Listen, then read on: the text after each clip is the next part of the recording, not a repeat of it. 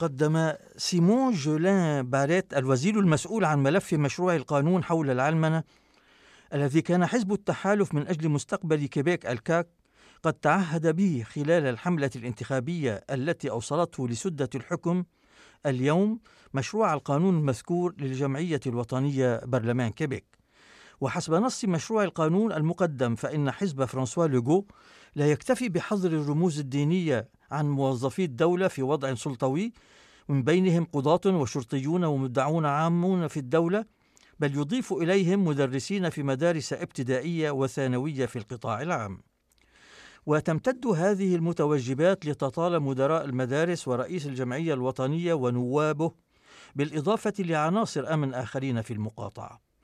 يشار إلى أن مشروع القانون يتضمن بندا عن الحقوق المكتسبة لحماية موظفين يطاولهم مشروع القانون في مناصبهم الحالية.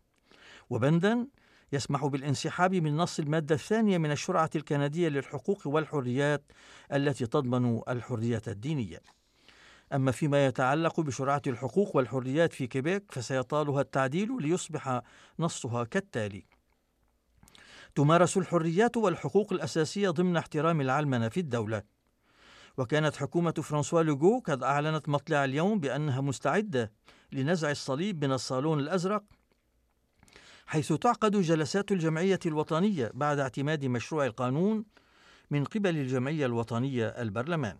يشار إلى أن هذا الموقف هو بمثابة تغير جذري بالنسبة للكاك إذ كان يؤكد باستمرار أن الصليب رمز تراثي يتوجب أن لا ينقل من مكانه.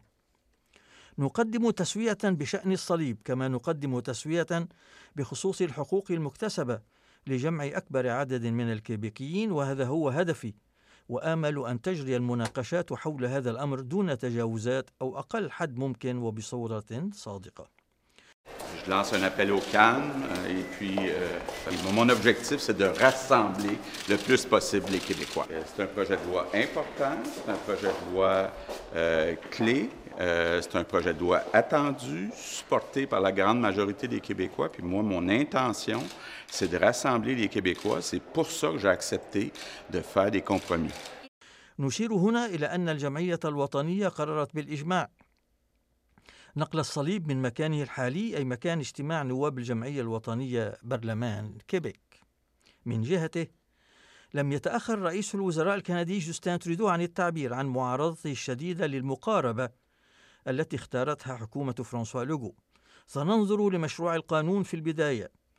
وليسمح لي بالقول بأن كندا بلد علماني بلد يحترم في العمق الحريات الشخصية وحرية التعبير وحرية الضمير والمعتقد وكيبيك هي أيضا.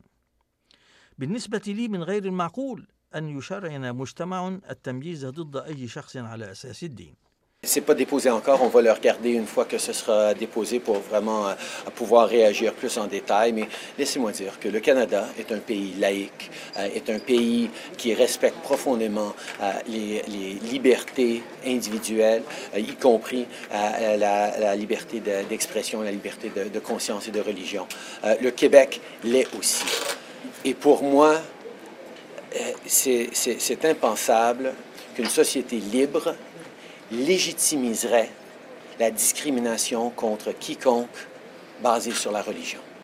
ومن المتوقع أن يعارض الحزب الليبرالي حزب المعارضة الرسمية في الجمعية الوطنية برلمان كيبيك مشروع القانون الذي يعارض كافة أنواع حظر ارتداء الرموز الدينية وحزب التضامن الكيبيكي الذي يطالب رسميا باحترام التوصيات التي رفعتها لجنة بوشار تايلور حول التسويات المعقولة منذ نحو من عشر سنوات وكانت اللجنة المذكورة حول الممارسات المرتبطة بالفروقات الدينية قد اقترحت حظر ارتداء الرموز الدينية بالنسبة للقضاة والمدعين العامين والشرطيين وحراس السجون بالإضافة لرئيس الجمعية الوطنية ونوابه.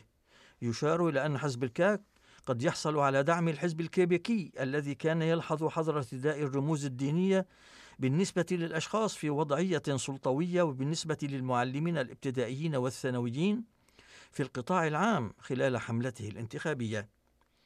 هذا ومن المتوقع أن يؤدي عدم فرض حزب الكاك الحظر على المعلمين في المدارس الخاصة إلى نقاط خلاف.